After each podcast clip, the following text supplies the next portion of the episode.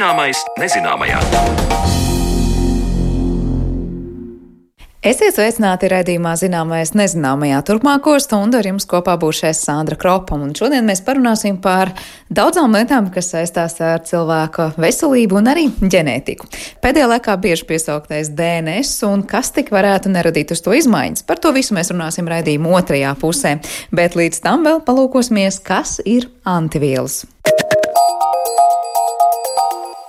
Antivielas tas ir cilvēka imūnsistēmas produkts, kas veidojas mūsu organismā. Plašāk par antivielu testiem, to precizitāti un kad pirmoreiz vēsturē sāk runāt par antivielām, klausieties Zanas Lācis veidotajā ierakstā. Nereizi vien saistībā ar Covid-19 testiem esam dzirdējuši arī par paraugu ņemšanu, kas uzrāda, ir vai nav cilvēka organismā antivielas pret šo vīrusu. Proti, vai mūsu imūnsistēma ir izstrādājusi aizsardzības sistēmu, ko iegūst, ja cilvēks ir ir pārslimojis ar covid-19 vai saņēmis vakcīnu pret to.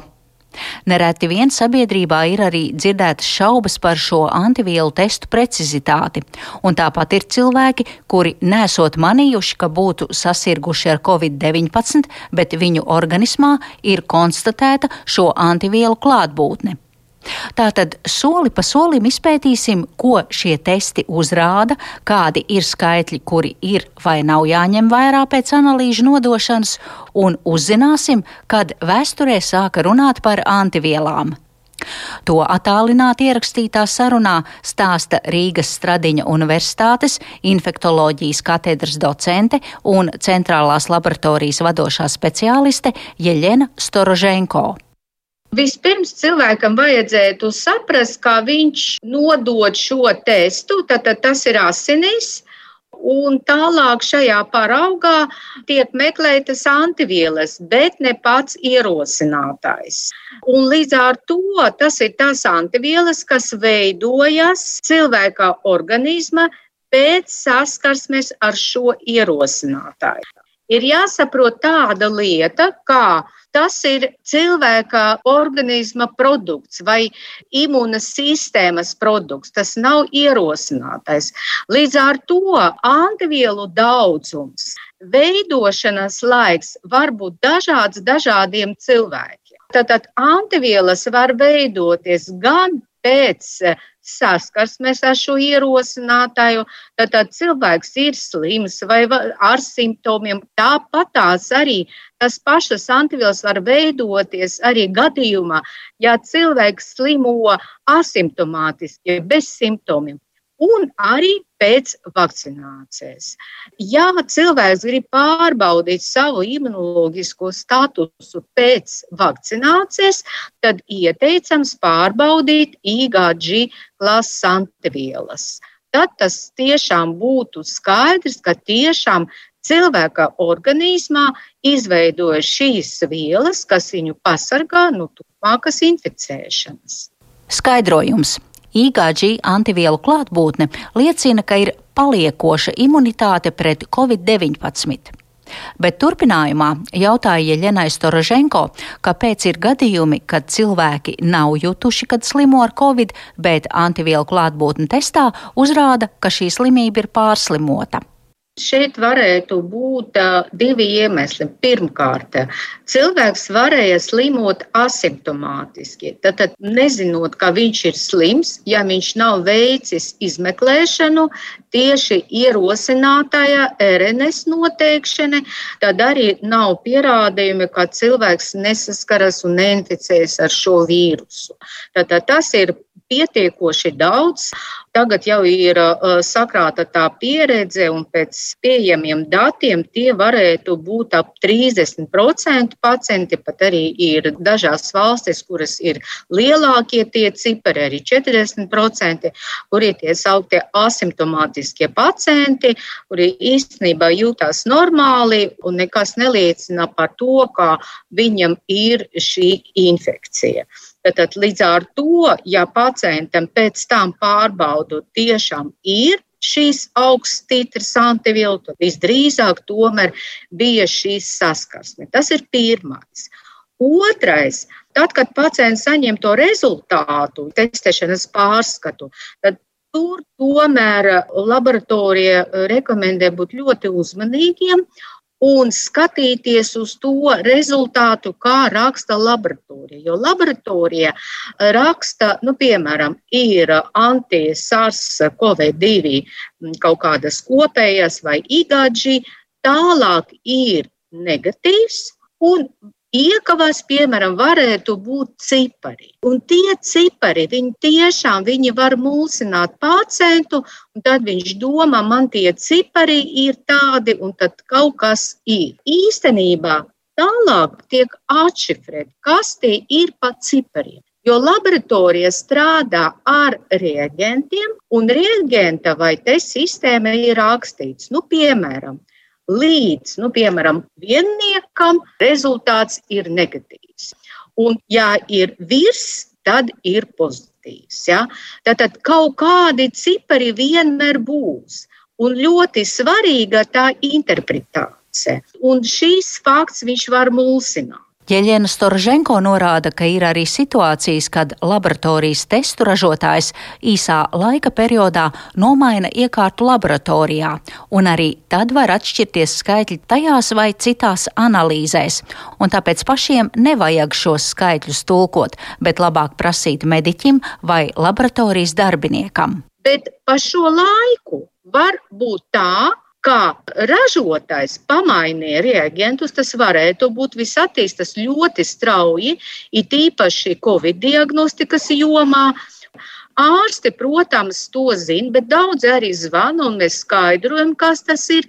Bet pacientam Es tomēr iesaku nu, uz tiem cipariem, varbūt skatīties mazāk, bet vairāk pievērst uzmanību tiem vārdiem, pozitīvs, negatīvs. Tas ir tāda lieta, kas ir nu, tiešām laboratorijā nosaka to nu, teiksim, tādu optisko blīvumu, un tālāk tiek dažādi tas tiek pielietots, dažādi tas tiek interpretēts, vai vienkārši optiskais blīvums, vai papildus vēl formulāri, lai būtu startautiskas vienības un tā tālāk. Svarīgi ir saprast, negatīvs vai pozitīvs.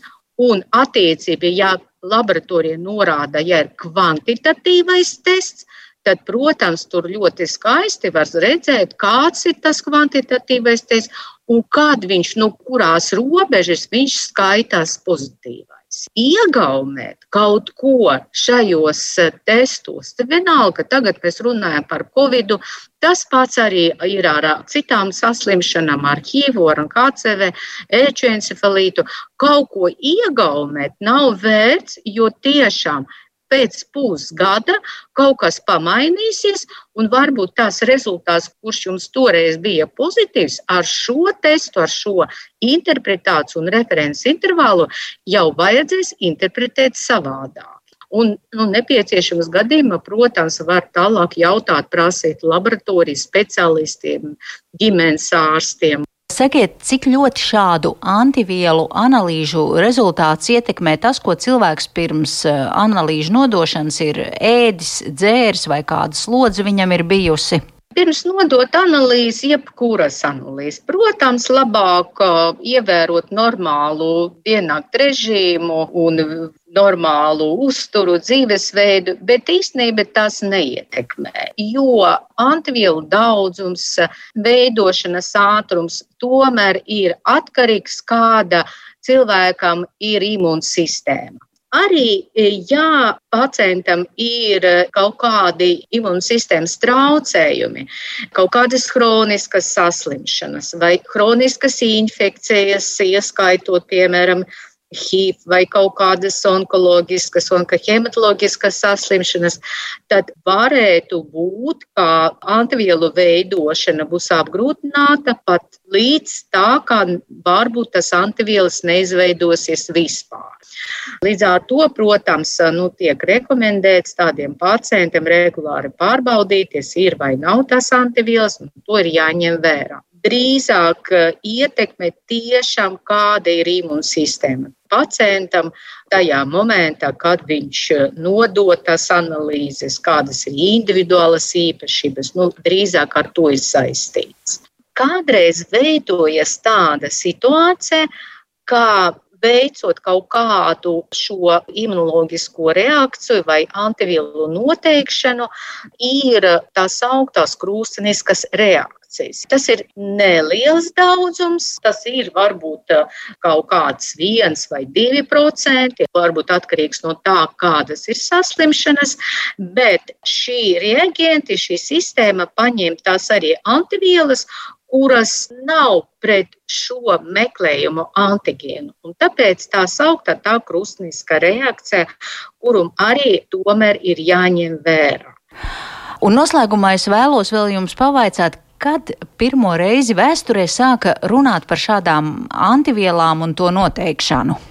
Tas sākas jau 19. gadsimta otrajā pusē, kad bija jau uzkrāti pietiekoši daudz zināšanas imunoloģijas jomā par to spēju pretoties slimības izraisītājiem. Un sākas īstenībā ar difterijas pētījumiem. Bija veikti pētījumi uz dzīvniekiem un bija parādīts, ka dzīvnieki, kuri pārslimoja ar difteriju, tad paņēmot to sērumu un ja to ievadīt dzīvnieki, kuri slimo, tad viņi atveseļojas vai nu nesaslim vispār. Tad, saprata, kā tajā asins sērumā cirkulē kaut kādas vielas, kuras spēj pasargāt organismu no inficēšanas vai palīdz izveseļoties. No sākuma tas bija tādi pētījumi laboratorijas dzīvniekiem, un tad pēc tam tālāk tā bija tā nopietna situācija ar difteriju. Tad viņu nosauca antitoksīnu, turpmāk viņu pārsauca par antivielu. Viņu ievadīja arī bērniem, kuri visbiežāk slimoja ar difteriju, un izrādījās, ka ap 75% bērniņi izveseļojas, kas bija ļoti labs rādītājs tajā laikā. Par antivielām un to testēšanu stāstīja Rīgas Tradiņu Universitātes infektoloģijas katedras docenta un centrālās laboratorijas vadošā speciāliste Jelena Storoženko, un ar viņu sazinājās mana kolēģe Zana Lāce. Bet par to, kas īsti ir DNS un kas to ietekmē, mēs runāsim raidījuma turpinājumā.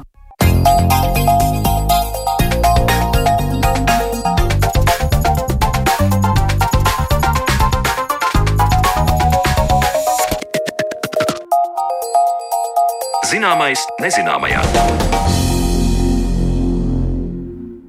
Covid-19 pandēmija ir likusi zinātniekiem sadarboties vairāk varbūt nekā agrāk, lai mazāk nekā gada laikā radītu vakcīnas pret šo vīrusu. Daļa no tām tapušas izmantojot, ja tā var teikt, jaunu tehnoloģiju, kas cilvēku šūnās uz laiku ievieto vīrusu RNS fragmentu, un tas ir radījis bažas, varbūt vakcīna var izmainīt arī cilvēka DNS. Tad, nu, raidījuma turpinājumā mēs meklēsim atbildes uz jautājumiem, vai un kādi ārēji apstākļi var mainīt šūnu sastāvu un DNS. Lai mums palīdzētu saprast visu šīs sarežģītās sarežģītās, bet interesantās lietas mūsu attālinātajā studijā esam aicinājuši Latvijas Universitātes medicīnas fakultātes profesoru Unu Riekstiņu. Rīgas Stradiņu Universitātes onkoloģijas institūta vadošo pētnieci Ines Čakstiņu un arī Latvijas Universitātes mikrobioloģijas un biotehnoloģiju institūta vadošo pētnieku Jāni Liepiņu. Labdien jums visiem! Sveiki. Sveiki! Dien. Es domāju, ka iesākumā, lai arī ir izskanējušas tur daudz visādas bažas un mierinājumu par to, kāpēc nav jāsatraucās par, par to, ka vakcīnai tur mums tiek piesaukt šis RNS salikums klāt. Skaidrosim, kas īsti ir DNS un RNS, ja mēs runājam par tādām nu, lielām līnijām, neiedziļinoties varbūt detaļās un ķīmiskajā sastāvā un nosaukuma atšifrēšanā. Uh, Es zinu, ka Inês kaut kad sociālajos tīklos bija dalījusies arī ar kaut kādu joku vai ilustrāciju par to, kā to, kā to saprast. Un es sapratu, ka viens ir tas, kas sēž un lasa, un otrs ir tas, kas visu laiku tur raksta vai glabā tās informatīvās lietas. Es nezinu, kādi jums ir piemēri padomā, kā vienkārši izstāstīt, kas tad mūsu organismā ir tas viens un kas tas otrs. Inês, varbūt sākšu ar tevi. Um. Jā, um, ja mēs runājam par DNS, uh, tad DNS varētu uzskatīt, ka tas ir tāds nu, blueprint, ja plānojums. Um, tātad tā ir tā molekula, kas satur informāciju par pilnīgi visiem ķieģelīšiem, no kā ir uzbūvēta mūsu šūna. Ja, tā tad, uh, un, uh, savukārt, un, un, un ja mums šajā plānā veidojās kaut kāds burtiņš savādāk, tad, protams, arī tas ķieģelīts, par ko atbild tas attiecīgais rajoniņš, kurā tas burtiņš ir izmainījies, tas ķieģelīts arī var būt savādāks. Bet kā mēs varam nonākt no plāna līdz ķieģelītim, mums vienmēr vajag uzmīcīt mīklu un sas, nu, to visu pārnest kaut kā nu, no tās informācijas uz reālo materiālu. Un tad tas, tā lieta, kas pārnes to informāciju uz reālo materiālu, uz to tulkošanu, ja? tātad, lai veidotos galā tas ķieģelīts, tā ir RNS. Tātad no šī plāna mēs varētu teikt, ka RNS ir kopija atsevišķiem rajoniņiem, kas, veidos, kas ir atbildīgi, kas saturē šo informāciju par ķieģelīšiem. Ja?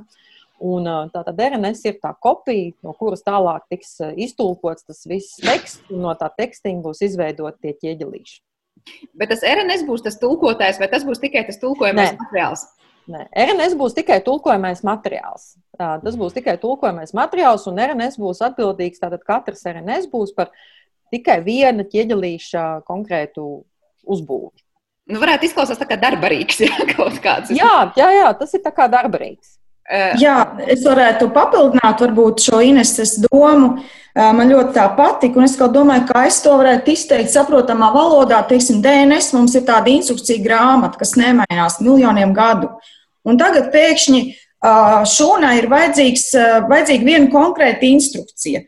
Un tad uh, RNS ir tā molekula, kas to konkrēto instrukciju nokopē un iznes, kurā tā konkrētā instrukcija nokopēta un iznest ārā no kodola. Uh, uz šūnas to perifēriju, kurā tad notiek viss darbs, kurā ir ražošanas līnijas, kur ražo uh, proteīnus, jeb olbaltumvielas. Varētu tā mēģināt skaidrot.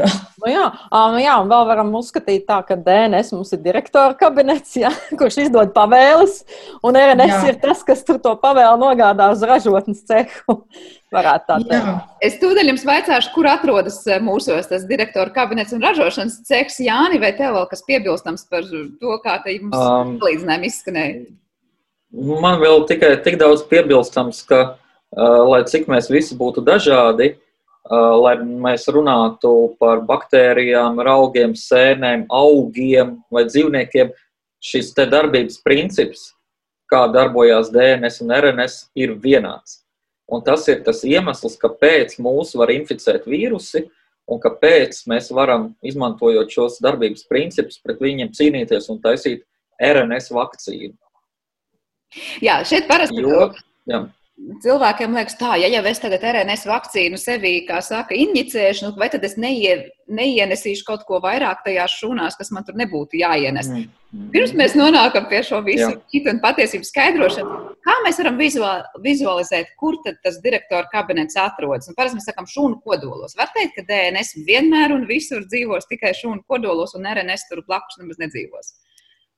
Nu, var teikt, ka DNS obligāti vienmēr ir šūnas kodolā. Tas ir tā, tā ir tāda īpašība arī uh, dzīviem organismiem, ko sauc, kur šūnās uh, ir kodols, tā, tās šūnas sauc par eikariotiem. Viņu pazīme ir tāda, ka DNS materiāls, DNS ir saīsinājums no dezoksiribonukleīna skābes, ka šis DNS atrodas norobežotā kodolā, lai viņu neietekmētu dažādi ārējie faktori, uh, tā skaitā no troksnes no ražošanas šūnas perifērijā.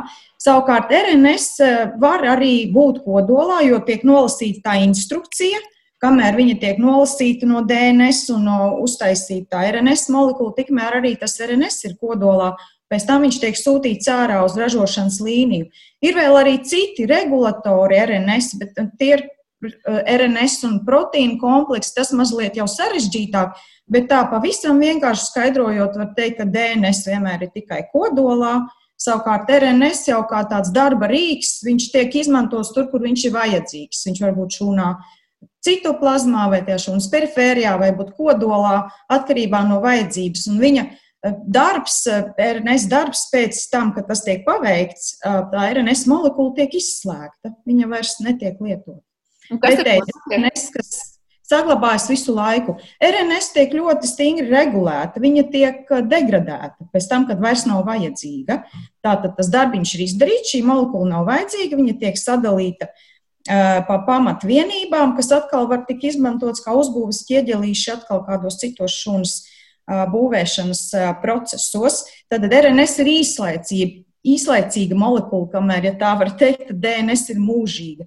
Mēs piedzimstam ar savu DNS un dzīvojam visu dzīvi ar to savu DNS. Un, um, es vēl vēlējos mazliet piebilst, um, šis process no DNS uz RNS nevar notikt atgriezeniski. Tas nozīmē, to, ka RNS nevar inkorporēties un, un, un iesaistīties DNS ķēdē.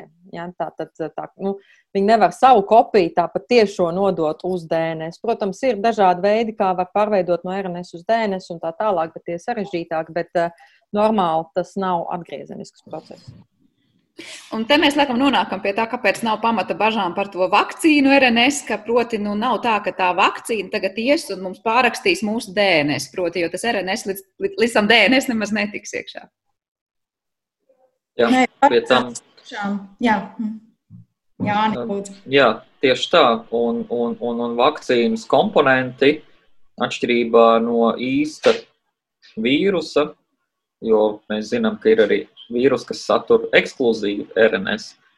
Bet atšķirībā no īsta vīrusa, šie vakcīni satur tikai informāciju par vienu minēto sākumā ķieģelīti.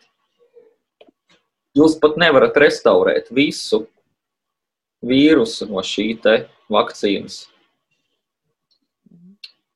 Tātad jums iedod informāciju tikai par vienu ķieģelīti šī informācijas mRNS veidā, ko jūs ieliekat šūnā. Un šūna tāpēc, ka mēs visi darbojamies uz līdzīgiem principiem, to atpazīst, uztaisa proteīnu un parāda citām šūnām, re, kas man te sanāca. re, re. Un, un, un citas šūnas atbild uz to. Kas ir? Jā. Jā, jā. Tas, ko Una teica arī pēc tam, patiesībā, kad darbiņš ir padarīts, tas RNS tiek kā, nu, likvidēts, sadalīts precīzāk. Jā? Mums nav bažas par to, ka tas uzturēsies mūsu šūnās ilgi un dikti, un kas zina, kuros apstākļos tur atkal sāks kaut ko kādam ziņot. Jā, un tieši. Un iespējams šis. Un iespējams šis, starp citu, ir iemesls, kāpēc ir jāveic atkārtot uh, imunizācija. Tātad divas potes. Uh, ja nu gadījumā jums ir nepietiekošs daudzums RNS pā, uh, uzņemts šūnā un nepietiekošs imunoloģiskais signāls radīts, tad jums ir vēl viena pote, kad to var atkārtot. Un, un, man liekas, tur ir vēl citi aspekti. Ja es varu papildināt, tad uh, ir izpētīts, ka šī RNS vakcīna, ko saražojas Pfizer un BioNTech, sešas stundas jau pēc uh, injekcijas tajā vietā var nebūt vairs. Nav, nav redzama. 6, līdz 9, 6 stundas līdz 9 dienas maksimums, un pēc tam viņa pazūd. Uh, Un, un tā atkārtotā ievadīšana, ko Jānis minēja, tas arī vajadzīgs, lai imūnsistēma kārtīgi iemācītos. Mēs jau dzējolīt arī nevaram iemācīties noskaitīt no galvas, nolasot vienu reizi, jo mums ir jāmācās divas, trīs, četras, piecas reizes, kamēr imūnsistēma ir tik gudra, kad iemācās jau ar otro reizi. Bija Jānis vai Inesē vēl kas piebilstams pie tikko teiktā? Nē, nē, nē. nē. Jautājums, mēs sakām, nu labi, tad izklausās, ka DNS, kā Una teica, nu tad mūžīgs un kā piedzimstam tā ir. Un tomēr, kas ir tās ietekmes, kas var to DNS mums tur ietekmēt, izjaukt, pamainīt vai kā citādi nu, pabojāt dzīves laikā? Um, interesanti, ka, ja mēs runājam par tieši par DNS, uh, Varbūt daudziem tas būs pārsteigums, bet mūsu DNS var, piemēram, pabojāt ultravioletie stāri, dažādi ārēji ietekmējumi. Ja? Tā tad arī ionizējošie stāri, radiācija var ietekmēt DNS, un, un, un, un īsnībā tāpēc arī mēs liekam uh, kaut vai uz ādas šos pretagdeguma krēmus, ja, tātad, lai samazinātu šo ultravioleto staru ietekmi uz mūsu ādu. Protams, ir arī daudz iekšējie mehānismi, kas var ietekmēt DNS, tātad šo burtiņu ķēdīti, ja, izmainīt. Um, tas varbūt būs pārsteigums daudziem, bet um, šādas DNS izmaiņas notiekās visu laiku mūsu šūnām. Notiek visu laiku būtībā. Es negribu minēt ciparus, tie ir diezgan lieli, bet, lai nomierinātu tad, uh, kādu sakarsušus prātus, es varu minēt arī to, ka evolūcijas laikā mums ir izveidojusies, nu, ja mēs salīdzinām ar baktērijām, ja kurās arī notiekās tieši tāpatās šādas izmaiņas, um, mums ir daudz tāda ļoti spēcīga DNS bojājuma labošanas sistēma. Ja, tas ir izveidojies evolūcijas laikā. Uh, Un, un, un ļoti svarīgi ir, tātad šūnai ir ļoti svarīgi, vai šī labošanas sistēma strādā pareizi un pilnīgi. Un, ja, piemēram, šī labošanas sistēma varbūt ir bišķiņa tā kā nu, bojāta vai, vai, vai kaut kas tur izdomājas paslinkot, ja, tad, ja kāds DNS bojājums netiek salabots, tad, tad to noteikti šūnas jūt. Un, tad atkarībā no tā, kāda tā šūna ir, tā var vai nu novecot, vai nu atkal iet citos procesos un tā. Tā vienkāršoti. Un, eh, ja mēs runājam par ārējiem faktoriem, tad ultravioletais starojums, radiācija, ionizējošais starojums, iekšējie faktori, tas, kas ir iekšā šūnā, tās var būt dažādas um, reaktīvās skābekļa. Es nezinu, kā Latvijas saka, reaktīva oxygen species. Brīvie skābekļa radikāļi, brīvie nitrāta radikāļi, par ko es domāju, Jānis Liepniņš var vairāk pakum, pa, pa, pastāstīt, uh, tā, kas ir atkarīgi savukārt no mūsu šūnas elpošanas. Jā, jā, es domāju, ka tagad ir iespēja izpausties, jo Ines tādu ievadu jau sniedz nedaudz. Tad, nu, tā ārējie faktori tad ir minēti. Tādi var teikt, nu, tiešām vide, kurā mēs nevarētu teikt, ka mēs nemanām, ja esam nonākuši. Ja tur ir radiācija vai tur ir ionizējošais starojums vai nu, ultravioletais īstenībā arī mums diezgan bieži apkārt esošs. Bet kā to iekšējo vidi? Nu, Paradoxāli, bet uh, dzīvojot uz planētas Zeme, mēs dzīvojam atmosfērā, kur 20% ir skābeklis. Un, nu, mēs esam paraduši, ka tas ir ļoti, ļoti svarīgs mums izdzīvošanai. Bet izrādās, uh, dzīvība ne tuvu visu laiku nav dzīvojusi ar šo skābekli. Un skābeklis diezgan uh, drīzāk bijis dzīves blakus produkts nekā, uh, nekā pamat vajadzība. Un uh, mūsu organisms skābekli izmanto elpošanai, bet tikko mēs izmantojam skābekli, lai uh, elpotu un iegūtu maksimāli daudz enerģijas no ķīmiskām vielām, kuras mēs ēdam.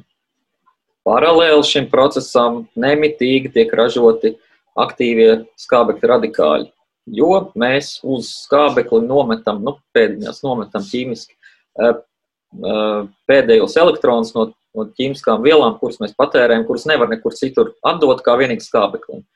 Un normālā situācijā mēs šos aktivētos skābekļus ļoti efektīvi mākam pārstrādāt. Mums ir enzīmi, proteīni, peroksidāzes, katalāzes, dažādas ķīmiskas vielas, kuras ļoti efektīvi šo te nodzēš. Diemžēl ne viss dzīvē ir ideāli, un vienmēr neliela daļa šo te aktīvo skābekļu radikāļu var uh, palikt nepamanīt vai nenodzēst. Un, un, ko tas nozīmē? Aktīvs skābekļa radikāls, tas nozīmē skābekļa atoms ar nesapārotiem elektroniem. Un šādiem te uh, atomiem ir tendence reaģēt ar jebko, ar jebkuru molekulu, kas jums ir šūnā. Un tā var būt proteīna molekula, un tā var būt DNS molekula, un galu beigās tā var novest arī pie uh, tādām mutācijām vai nevēlamām izmaiņām. Ir forši, ja jūs esat uh, mikroorganisms jo tad šīs problēmas eh, jūs norakstāt eh, uz to, ka nu, populācijā aizgāja viena vai divas šūnas bojā, un tas jums neko nemaina. Bet ir grūtāk mazliet, ja jūs esat sarežģītāks organisms, kā piemēram eh, cilvēks, augs, kur, ja jums kāda šūna grupa piepeši tiek īpaši bojā, tad, tad jums rodās problēmas. Un šeit mums palīgā nāk citas šūnu grupas, piemēram, imūnsistēma, kas redz, ka rekur šī šūna ir savādāka un mums ir kaut kas jādara. Piemēram, mēs viņu izņemam no sistēmas, jo viņi jau sāk izskatīties pavisam ne tāda. Tas ir viens no veidiem, ko mēs sakām, ka jau veidojās netipiskas šūnas vai, vai, vai, vai varbūt pat vēža kaut kāda aizmetne. Tad imūnsistēma mums nāk palīgā. Lūk. Uh, tie ir tādi, iespējams, tādi nu, lielākie vai būtiskākie iekšējie faktori, kas tiešām ietekmē jūsu sadzīvi. Nemitīgi, dien dienā jūs elpojat, un jums rodās šie skābekļa radikāļi. Eh, jums var rasties arī citu vielu radikāļi, kā Ines pieminēja, eh, nitrātu radikāļi un, un, un, un tā. Bet man iespējams, ka šis piemērs skābekļa radikāļiem ir pat vēl vēl uzskatāmāks, jo nu, skābeklis tā ir tā lieta, ko jūs varat viegli iztēloties, ka nu, bez tā jau nu nekādu. Un izrādās, ka šī ikdienas interakcija jums ir ne tikai pozitīva, bet arī ir zināmas blaknes. Var teikt, var dārgi maksāt, ja elpošana. Jā, bet uh, tas ir tas, ko jūs maksājat par to, ka jūs uh, iegūstat daudz enerģijas ar skābekļa palīdzību. Un tāpēc jau īstenībā arī bieži vien tiek minēts, ka ir labi uzturā lietot antioksidantus. Jā, jo šie antioksidanti tad arī ir tie, kas tomēr savāks šo te, jeb neutralizēs šo brīvo skābekļa radikāļus. Un es varētu papildināt, jā, es varētu papildināt ar to, ka uh, mūža laikā šīs uh, izmaiņas, ja bojājumi DNS tomēr uzkrājās. Uh, Bet šūnai tas aizsardzības mehānisms, ka ja šūnā pārāk daudz šie DNS bojājumi, ko rada dzīves laikā dažādi šie fizikālie faktori vai ķīmiskie faktori, eh, ja daudz šo bojājumu šūnā, tad var ierosināt tādu aizsardzības mehānismu kā senescence, jeb novecošana, kas aptur vispār to šūnu dalīšanos un pēc tam pat var tālāk arī novest uz tādu procesu, ko sauc par apoptozi, jeb šūnas programmētā nāve, Tātad eh, tas organismā tiešām tiek ļoti labi kontrolēts vienīgi dzīves laikā. Ja tas notiek pārāk daudz šūnās, tad orgāns tomēr sāk novecot, un tāpēc arī mēs novecojam beigās, jo nav arī vairs ar ko aizstāvēt. Jā, šīs šūnas, kas ir aizgājušas senescencē un šūnu nāvē. Bet, teiksim tā, ka, ja, lai vīruss kāds varētu bojāt mūsu DNS, tas tā nenotiek. Vienīgais vīrus, kurš var iekļūt cilvēka genomā, tas ir piemēram HIV vīrus, kuram ir šī īpašība, tāpēc to sauc par retrovīrusu, nevis tādēļ, ka viņš ir retro, tā kā vecs un stilīgs, bet tādēļ, ka viņam ir tāds retro process, no RNS informācija pāraksta DNS, un tad var ielīmēt cilvēka šūnu DNS, jeb genomā, Un tādēļ HIV vīrusu nevar izārstēt, jo viņš ir ielīmējies cilvēka DNS, un tad tur vajadzētu tādu dzēžgumiju, kas iet pāri katrai šūnai un izdzēst to rajonu. Tas nav iespējams. Bet par citiem vīrusiem tas nav zināms. Tātad tie uh, vairojās šūnā īslaicīgi, šūnā ir savi aizsardzības mehānismi, kas noārda tās vīrusa DNS vai RNS molekulas, un viņi pazūd. Un tāpēc vēl jau vairāk, ja šūnā ievada tikai vienu instrukciju par RNS formā, par viena vīrusu proteīnu sintēzi, tad pilnīgi nav bažas, ka tas varētu kaut kādā veidā ietekmēt šo labi uh, noslēpto, kodolā noslēpto DNS materiālu, kas ir ļoti izturīgs pret dažādām izmaiņām, kur tās nemaz tik viegli nevar ievadīt. Ir ļoti augsta drošības pakāpe, nu, es nezinu, kā tādam datu serverim, kas glabā kaut kādas augstākās pakāpes noslēpumus, jā, varētu teikt tā. Bet par to novecošanu runājot, tad var teikt, ka nu, mūsu novecošana ir ierakstīta tajā DNS, jo es saprotu, nu, mēs bieži saistām to novecošanu ar tā saucamo telomēru, saīsināšanos un tā tālāk. Tās jau atrodas vai ne DNS sastāvā? Jā, tās atrodas telomēru galos. Uh, Un e, tātad tās ir chromosomu galos, telomēras, un tās parādās šūnai daloties, jo tas DNS ir jāsorganizē chromosomās, un e, tad tās chromosomas ir pārdalītas starp meitas šūnām, un ar katru dalīšanās ciklu tās uh, telomēras saīsinās. Viņas tēlēni arī tiek salīdzināts, mēs zinām, kurpju šņorēm galos ir tāda metāla stienīša, kas viņas nostiprina, un tad tās būtu tās telomēras, ja tas stienīts nokrīt, tad tas kurpes gal, tā šņores gals izirst. Un tā notiek arī ar chromosomu. Savā ziņā, jā, tas ir ieprogrammēts. Jā, es varētu piekrist šim apgalvojumam. Es nebiju tā nekad iedomājies. Ļoti interesanti. Par novecošanu vēl vai piebilstams Inesē vai, vai Jānim kaut ko saistībā ar to, kā mēs to DNS varam vai nevaram ietekmēt, vai tās ietekmes, kas tur rodas, mums pēc tam var atspoguļoties tajā, cik ilgi dzīvojam un cik, var teikt, jauni vai veci dzīvojam. Nu, runājot par tiem telomēriem un novecošanos, es arī varētu piekrist, ka tas tomēr ir savā veidā ierakstīts un varbūt prātā mēs varam būt stipri un jauni, bet tomēr bioloģija dara savu un novecošana ir. Ir process, ir normāls bioloģisks process. Tas nav nekas ārprātīgs. Tā mēs esam dzīvojuši visu uh, visu mūžu. Bet, kā jau es vienmēr saku, mums ir jābūt ļoti uzmanīgiem, ko mēs vēlamies. Ja mēs vēlamies nemirstību, ja, tad par šiem te telomēriem, un te jau man jāsāk pieskarties audzēju tēmai, ja, jo um, vēl joprojām teorētiski varam uzskatīt, ka Henrieta Laka, kas dzīvoja 50. gados, no viņas tika iegūtas šūnas, kuras vēl joprojām tiek izmantotas vēža šūnas, kas joprojām tiek izmantotas pētniecībā. Ja, Tā kā mums ir jābūt ļoti uzmanīgiem, ko mēs vēlamies. Ja? Vai mēs vēlamies mūžīgo dzīvību, nu, tas, kas mūžīgi diezgan ilgi var dzīvot, ir tātad um, audzēšanas, jo normālā bioloģijā, teiksim, normāli mūsu šūnām nav paredzēts uh, dzīvot mūžīgi.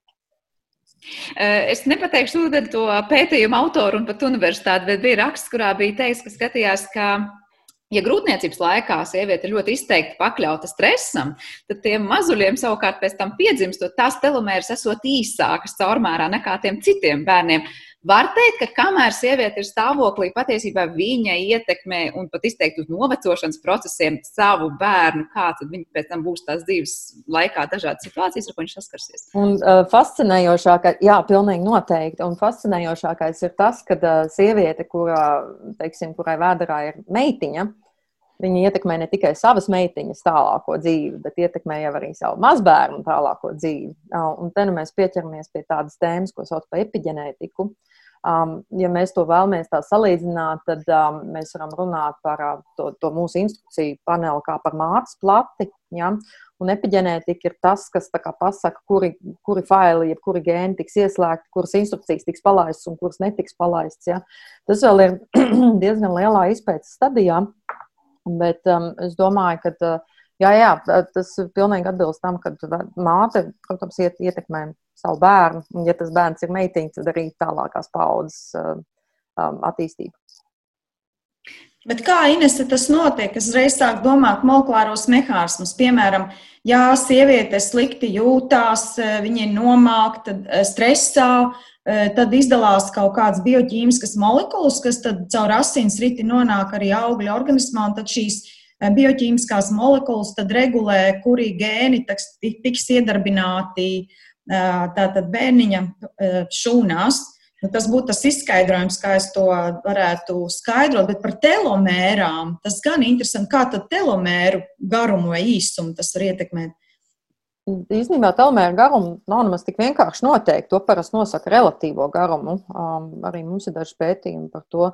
Tāpēc būtu interesanti redzēt to pētījumu, par cik ļoti tas, tas, tās telomēras būtu saīsinājušās un vai tās tiešām vai tas ir būtiski un vai tiešām tas arī atstās uh, ietekmi uz uh, teiksim, tā nākamā bērna dzīvildzi. Jo tas ir ļoti sarežģīts uh, jautājums, jo dzīvildze jau, teiksim, cik ilgi mēs dzīvojam, tas ir atkarīgs ne tikai no mūsu telomērām, tas ir atkarīgs no mūsu dzīves, no visa kā. Ja? Tā tad tas nebūs tikai telomēra garums. Bet tas būtu interesanti paskatīties. Es piekrītu, un, ka jā, man liekas, ka tas tā varētu būt, kad teiksim, dažādu stresa hormonu līmenis mātes organismā var novest pie dažādiem procesiem tieši attīstības laikā kur, kā mēs zinām, attīstības laikā tajā embrijā ir ļoti svarīgi nu, teiksim, dažādu vielu koncentrācija un tā tālāk. Nu, man vairāk kā skaidrs, ka rakstu es nosūtīšu to daļu jums abām, visiem trim. Un patiesībā par šo tēmu mēs arī kādā no turpmākajiem raidījumiem droši vien varam parunāt sīkāk. Bet mums pamazām jāliek punkts mūsu sarunai. Kā jūs teikt, tā pavisam vienkāršot, ja mēs runājam, ir lietas, kas mūsu dzīvē ietekmē, ārēji apstākļi, tas, kā mēs uz tiem reaģējam, ko mēs ēdam, cik tīrā vidē dzīvojam. Cik ļoti tas var ietekmēt to, kas ar to mūsu DNS notiek un visiem tiem procesiem, ko tālāk tas ietekmē? Vai tur tomēr ir runa par kaut kādiem pilnīgi citiem procesiem? Mēs varam pateikt, no nu, kādu komplektu atnācām, ar tādu arī vairāk vai mazāk dzīvojam. Cik tur tas sevi labos vai nelabos dzīves laikā? Došu jums katram vārdu, nezinu, sākšu varbūt ar runu. Jā, paldies! Jā. Um, man šķiet, ka lielā mērā tomēr to ietekmē tas uh, komplekts, ko mēs saņemam, tā iedzimtības informācija un, uh, teiksim, tie paši tā pati DNS labošanas mehānismu aktivitāte, kas varbūt citam ir augstāk, citam zemāk, un ir tādas slimības, kur ir mutācijas šajos gēnos, un tā uh, DNS labošanas aktivitāte nemaz nenotiek. Tās ir ļoti smagas iedzimtas slimības, piemēram. Bet, protams, dzīvesveids, uzturs ietekmēs, jo smēķēšana radīs benzopirēnus, jā, un, kas ir kaitīgi saistās ar DNS un var izraisīt plaušu vēzi. Tāpat arī uzturā lietot daudz kūpināts produktus, to pašu var izdarīt ar aknu šūnām. Uh, ir tā, tad, tādas lietas arī, jā, kas ir izpētītas, ko vajadzētu korģēt. Tāpat ir šie pētījumi, ka tur daudz ēst sarkano gaļu nevajadzētu, jā, jo tas kā ietekmē zarnu šūnu uh, stāvokli un uh, audzēju attīstību. Ir, ir daudz šādu pētījumu par uzturu ietekmi tieši.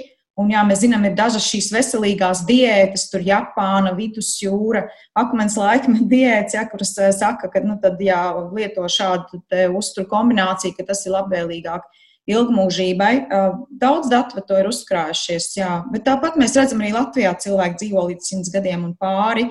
Un, tā tad es tomēr noslēgtos vairāk, ka tad ir abējādi ietekme gan iedzimtības komplektam, kas ir saņemts, gan arī jā, dzīvesveidam. Hmm, paldies, Jāni! Es vēlējos pievienoties UNAI, bet īpaši uzsvērt to, ka cilvēks vai, principā, jebkurš daudzšūnu organisms, atšķirībā no vienšūnas organismiem, kurš ir pilnībā pakļauts visam, kas notiek ārvidē, viena no mūsu pamatfunkcijām ir nodrošināt mūsu organisma nemainību vai iekšējo homeostāzi.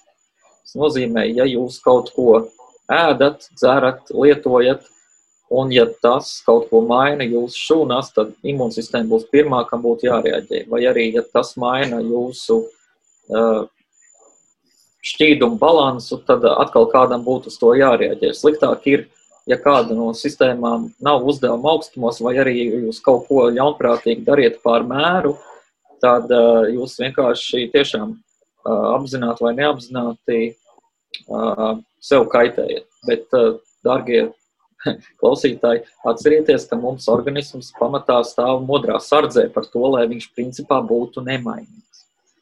Tā kā var teikt, eh, viss ar mēru, tajās robežās mēs varam būt droši. Organisms mūs, mūs pasargās un pats sevi pasargās. Jā, tātad, bet tikko kā mēs varbūt pārmēru kaut ko mēģinām tam kaitēt, tad varētu kāda no tām sistēmām iziet no ierindas, un tad, nu, tad mēs justos bojājumus. Jānis jā. Māja galva. Ines. Nu jā, es eh, principā arī varētu piekrist. Eh, principā un, un Jānis jau precīzi pateica, tā mana kopējā kopsavilkums arī ir tas, ka visu ar mēru. Um, es nedomāju, ka uh, nu, cilvēkiem bieži vien ir tendence, viņi izdzird, ka, piemēram, saka, no gaļu daudz nevajag ēst, viņi, viņi visi, vispār izslēgs. Tas tā nav. Tas, tas nav tā, ka uzreiz mums vajag izslēgt kaut ko un pārtikt tikai, es nezinu, no salātiem. Ja? Jo, jo nu, visu ar mēru jā, jāieklausās savā organismā un, un Noteikti vēlētos pateikt, ka jā, iedzimtība ir svarīga, ir svarīgs dzīvesveids, ir svarīgs arī mūsu kustīgums, fiziskās aktivitātes. Tas nav tikai uzturs vai diētas, bet arī tas, cik daudz mēs kustamies. Šajā teiksim, mājasēdes laikā tiešām tas ir ļoti svarīgi. Vismaz vienu stundu dienā pavadīt svaigā gaisā, pastaigā, fiziski aktīvi kustoties. Ja? Es to izjūtu sevis, jo sanāk ļoti daudz sēdēt pie datora. Es tiešām esmu šogad apņēmusies, ka tiešām vienu stundu dienā es iešu ārā un staigāšu. Un, un, un, un, un, lai, lai tiešām dod šo fizisko aktivitāti. Un man liekas, ka tas mums visiem ir jāatcerās, ka visu ar mēru um, atceramies, ka mums vajag arī tomēr labi justies. Nu, ko teikšu jums lielu paldies, un tad iesim ārā, varbūt kurš nu staigās, kurš turpināt darīt savas lietas, bet tiešām atcerēties arī šajā laikā parūpēties par to, lai tā mūsu šūnām ir laba pašsajūta un laba vide, kurām tām e, dzīvot un strādāt. Teikšu jums visiem lielu paldies, atgādināšu, ka mēs dzirdējām Latvijas Universitātes medicīnas fakultātes profesori Unu Riekstiņu, Rīgas Tradiņu Universitātes onkoloģijas institūta vadošo pētnieci Ines Čakstiņu un arī Latvijas Universitātes mikrobioloģijas un biotehnoloģiju institūta vadošo pētnieku Jānu Liepiņu. Šajā raidījuma pusstundā stundā. Ar to arī tas ir izskanējis. Teikšu visiem lielu paldies par klausīšanos un atgādināšu, ka mūsu raidījumu var klausīties arī populārākajās podkāstu vietnēs. Uz tikšanos!